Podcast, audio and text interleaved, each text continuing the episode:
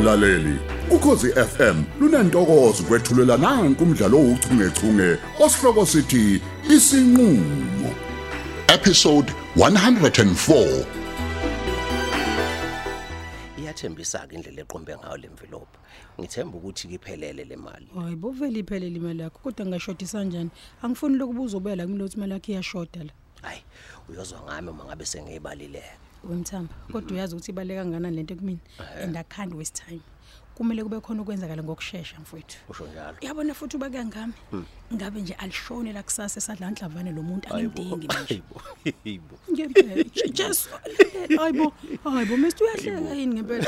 Yazi kusoba lutho wena uyibonela umdlalo nje la awubona ukuthi ngiphekene nenkinga engakanani? Mina ngisakanelwe ikhanda. Cha cha cha cha sister. Akusikona ngoba ngingabona ukuthi lento yakhe iyaphuthuma. Shona phela usikwenze shona usikwenze njani? Ngenze A- njani? manje? azizwana nje kuphela sister. Ngicabanga ukuthi kubalekile ukuthi izinto zonke singasijayi sengikhokhile nje mthambo mina. Ukuthi usukhokhela ukukunikeza igunya lokuthi kumele kube ngiwena ngilawulayo ekuthini kumele ngiwenze kanjani umsebenzi wami? Uyabona njengoba ungosister nje nguwena owazi konke mayelana nezinto zempilo. Akunjalo? Hayi uqinisile kona. Oh. Ukuthi nje eyilomphenyo wakhona ey ungimi la entanyeni manje. Ey angisakwazi manje ngisho ukuphefumula kahle kahle. Unginakile hey unginaka ibhadi uyabona sister? Umsebenzi wo- wobunkabe awusiyona nje into elula njengoba abanye abantu mhlambe becabanga. Akusikona nje ukuthi ufika nemali bese u- ngikhomba umuntu nje qhu sengimthinta ngemakwabo. Akenqeke umuntu kuphele kanjalo. Akunjalo nje. Kunokuqikelela okukhulu kabo kumele kwenzeke. Angithi uhleze uzwa kuthiwa sekuboshwe inkabi noma izinkabi. Hey yebo ngiye ngizwe mfethu. Kunalento ke kuthiwa ke i-careful planning. Uma ngabe kune careful planning there's a successful execution la uma kune successful execution kumele kube ne perfect cover up. Hayibo. Yeah. Mthambo Ehhe. wasujulanga kamanje Hey. wabo waqhamuka nezinto manje bengayilindele ukuthi ngaqhamuka kwenake. Hayibo careful thing careful that. Execution this is a cover and cover and cover up. Wibo i'm so impressed. Lalela ngikutshela abangibizi mina umthambo for nothing sister uyangezwa? Ngizwe kahle sister. Kuzomela wena nje wehlise umoya angisho ke nje ukuthi kuzomela ngiqale enyangeni yami kuqala. Angikwazi phela ukuyokwenza lo msebenzi ngingazange ngiyobonana nomnumzane ongiqinisayo uma ngabe ngiyokwenza lo msebenzi. Futhi ke iqiniso lithi kade ngagcina ukwenza lo msebenzi. Ngakho ke kufana nokuthi nje ngiyovuselela izinhlanga zami kuyena. Hey asethembeke kodwa ukuthi kuzoba into esheshayo kwemthambo njengoba phela ngisho nje ukuthi hey lo muntu ufuna ukungibopha hey udinga ungibona ngiboshiwe futhi ngiyambona ukuthi hayi uyimisele ngalento yakhe akafuni ukuyeka. A- ake ngikubekele kanje. Kulula kabi ukwenza lo msebenzi oshoyo kepha kumele wazi ukuthi sizoma nawe eboxini kusasa sesiboshelwe icala lokubulala. Lokho kufanele kube semqondweni wakho ukwazi kahle. Hawu ka- ka- kahle kahle mister. Hey. U- uthini futhi manje- m- uthini manje kumina? Angithi wena ujahile wena. Ufuna ukuthi eh, singawenza amalungiselelo kahle azokwenza ukuthi uma ngabe umsebenzi sesiwenza siwenze kahle ube impumelelo emva kwalokho ke kumele singanukeki kufanele ukwazi lokho. Noma ngabe besifuna kumele bengakwazi ukusithola. Manje ke wena uma uzojaha izinto basoba hey hayi Khona awukho kuzosina okunye ukujeqeza. ke wakithi. awukho kunye ngaphandle ukuthi ke ngiye ngehlele ngenzansi ke wemthambo. Nami nje ngeke bakithi ngithanda ukuzibona ke Uzosiza. sengiboshelwa nje icala elifana naleli wey hayi. Mina nawe ke sesiyazwana manje ake ngibaleke ke nami. Akumele sihlale la isikhathi eside. A- ake sithintane ngocingo. Hayi kulungile mthambo. Angithandi njalo ukukhuluma izinto ezifana nalezo ocingweni sesitamele ukwazi lokho. Njengomuntu ofundile ngicabanga ukuthi uyayazi lento engiyishoyo. Kulungileke izobonana. Hamba. Ngiyakuzwa emthambo kulungile sisothintana. Kulungile.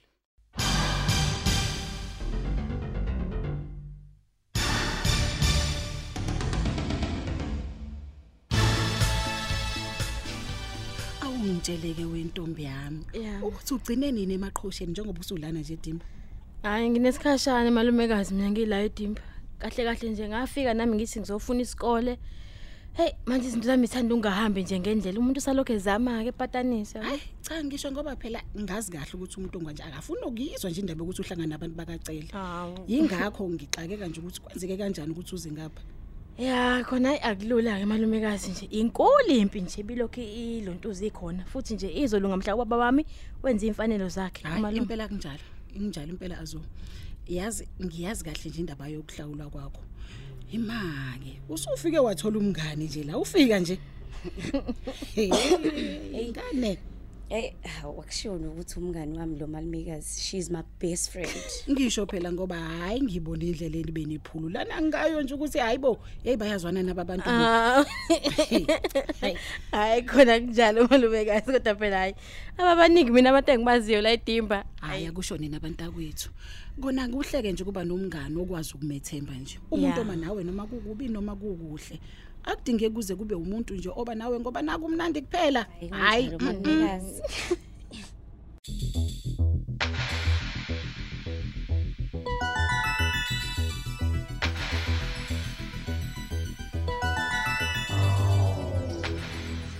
Eyi uyazi mabhiza mfethu. Eh, Ukuba ngiyazi ngabe ngithola nje ugoloko babayo. Wey. Noma ushisa ngalendlela le. Wey. Ngithi nka. Hey. Bese ngiqede ngihline lapho. Wewe. Hayi mfethu yazi impilo ikwenza ufuna ukwenza nje i- izinto ongakazi uyicabanga. Manje kona mabutho ubona ukuthi uphuza utshwala lokhu kunesixazululo. Ey angisena ndaba nokuthi kwenzekani Hey. mfethu. Unandaba. We mabutho utshwala bukaze nje bube isixazululo. Kunalokho kuletha ezinkulu kabi inkinga lezi. Ukuze nje umuntu esedakiwe umuzwe nje izinto ayikhulumayo. Hey.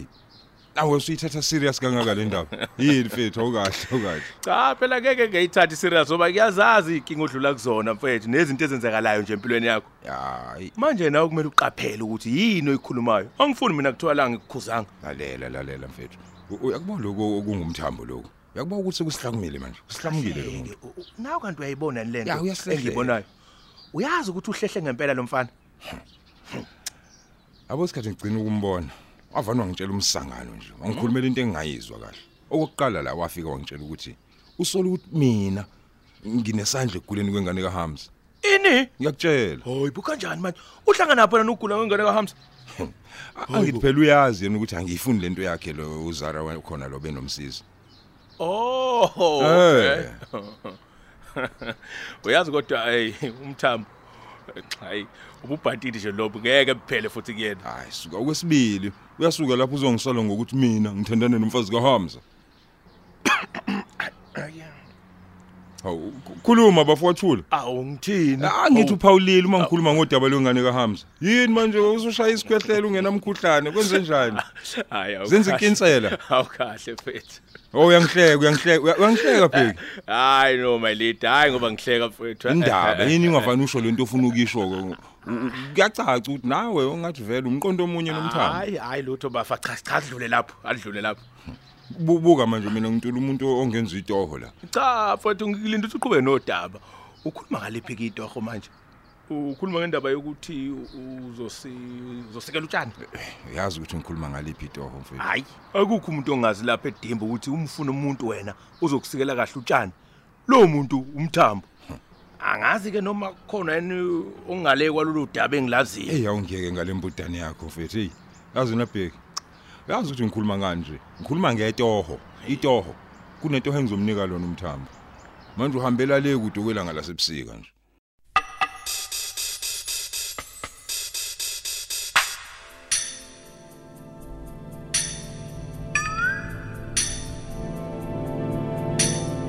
weazo uyazi phela kade ngizama ukushayela umalume wakho lutho kulibamba ucingo kwenzakalani vele We.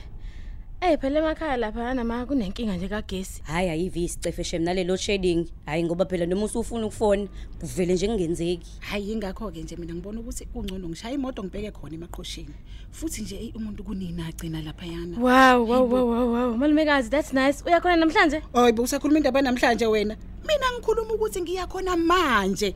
Awuthandini ungiphelezela ntombi yami? Hawu, konje ngingasala kanjani nje malumekazi? Hayi ke. ngithanda ukuzula.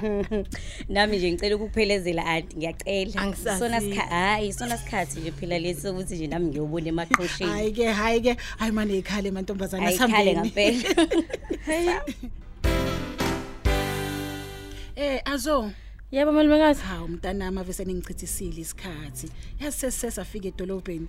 Hayi nathi shem hayi awuve ususizile bandla ngosipho lift. Hayi siyabonga. Hayi awulisho uliphindeke lelo nje. Siyabonga Hayi, malumekazi. Hawu you're most Siyabonga. welcome girls. Sizile. Eh lalelanike. Angazi nizodinga malini? Eh Imali na imali.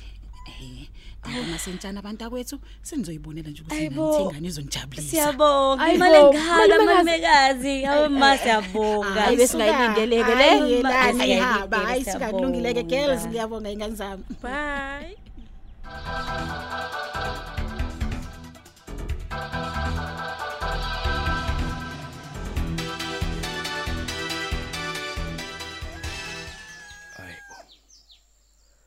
Ekaba le moto emngaphandle esangweni lakwami. Hayi, angiyazi mina le moto. Oh, hawu, umthambo wemadoda. Ufika ngemitha tax namhlanje kufa lokhu. Kusho ukuthi unemali ungabe namuhla ngakutshela ngeke ungafa. Awubheka ubheka injabulo. Uyabona ukuthi ujabulile lo muntu. Eh, hayi ngoke ngizwe namuhla ngoke ngizwe. Awusangiqinile iwe Eh, ngiyoke ngizwa ngempela namhlanje. Eh, wemfowethu. Yini ubamba ilotho mfana omdala? Ukube futhi ngibamba ilotho. Ucabanga ukuthi ngabe ngisalana mfowethu? Hayibo, wavele wayiveza ke mntakamkhulu. Kusho ukuthi wena phela uhleli nathi la ngoba naku uphoqelekile ukuthi sihlale ndawonye. Eh, otherwise wena should hayi ngabe washiya kuhle kwabantu ongabazi. Eh? Lalela lami newethu. Musa nje ukukhuluma kanjalo. Wena ngumfowethu mfowethu, umfowethu wangempela. Angeke nakancane ke nje ngize ngikushiye. Ningumndeni wami phela nina. We mama, phela mina sengizwe indlela osukhuluma ngayo mntakababa ukuthi hayi. Hayi, mnawe ungaze nje uchaza izinto eziningi. Ungaze nje. Mina ngitshatsheliswa ukuthi nje abantu abebengikweleta bangikhokhelile bonke namhlanje, ingakho kungibona nje ngithokoze nakangaka. Awusho wena mfowethu. Yabo nje indlela ujabule ngayo mfowethu iyacacisa mntakamkhulu. Naku nemvelope lapha iqumbile. Yeah. Ini envelope uyibona lapha envelope manje? Nawu nje iqumbu Khuluma ephaketheni nawu nayi nayi nayi musa ukubaleka nephakethe nayi. Eh? Hayi, hayi. Eh, wena. Yazi Hamza mfowethu, akuyona into oyicabangayo. Noma nje bengikhokhelile kodwa phela akusho ukuthi eh, Hayi wena, naku usuqashe nemeter tax nje. hayi Eh?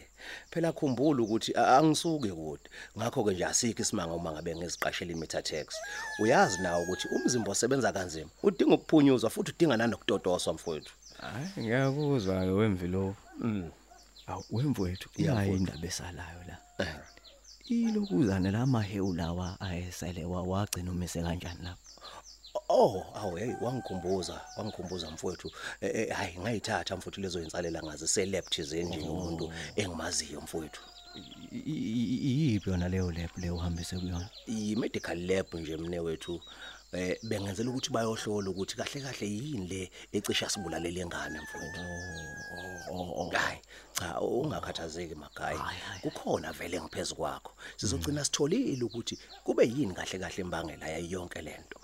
Hayi ke nakona ke siyabonga ukuthi awu kukhona abantu abasathembekile kulesikhathi esiphila kusona izikweletu kunjalo njalo. impela mfowethu. Kuya ngokuthi ubaphatha kanjani abantu? Uma ubaphatha kahle bayakwazi nabo kwethembeka kuwena naku ke nabantu bokufika oh my friend bafike lapha bakweletisa into ongayazi.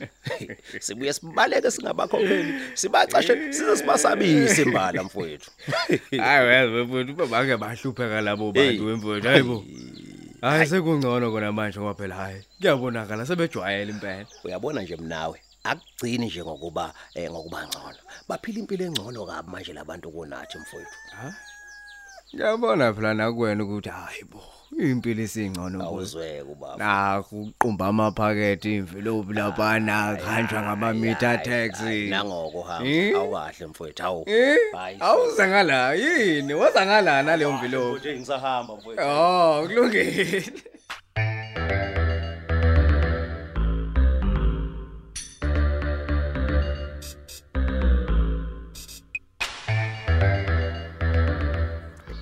Mngani wambheki. Wena uyangazi, ungazi kahle mngani wami. Sisuka kude futhi nawe.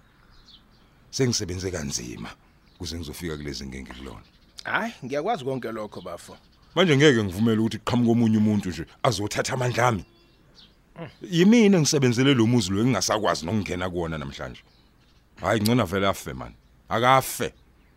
Umthambo akenza adume ngazo. Khathele mina leli 2000 leli. Hayi, ngiyakuzwa leadership. Ya angikwazi ukuvumela olwethu ukuthi angihlukumeze ngalendlela engihlukumeza ngayo bafu uyabona? Ngoba kusobala ukuthi yonke lento akade yenza ethi uyangithanda baba yonke lento bengiyengelo phathe nje. Ubevele efuna ngimshaye ukuze bese ke eh, kwenzeke yonke lento ayenzekayo la. Yena bese faka iprotection order. Kodwa ke dla ngamandla mfowethu. Cha ungancengi bafu ungazoncenga la. Sengisithathile lesinqumo and angijiki. Umthambo akenza dume ngaso. Uyabona dla ngamandla mfowethu. Mina ngeke ngidlale ngawe.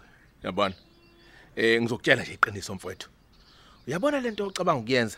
Izokufaka enkingeni enkulu hey kabi. sengingamani ngifake inkingeni bafu. Hey ngisebenze kakhulu kabi mina. Hayi mina ngamsani ke nokuthi u- kumele kubulawa olwethu. Kungcono khona ukuthi nifake incwadi yasehlukanise mfowethu. Ah, lokho akuyona inkinga bheki. Inkinga yinye kuphela. Uzongihlephula phela mangifaka isihlukaniso mfethu uzothatha uhalf wonke wefe enginalo lo muntu. Sashada in community of property.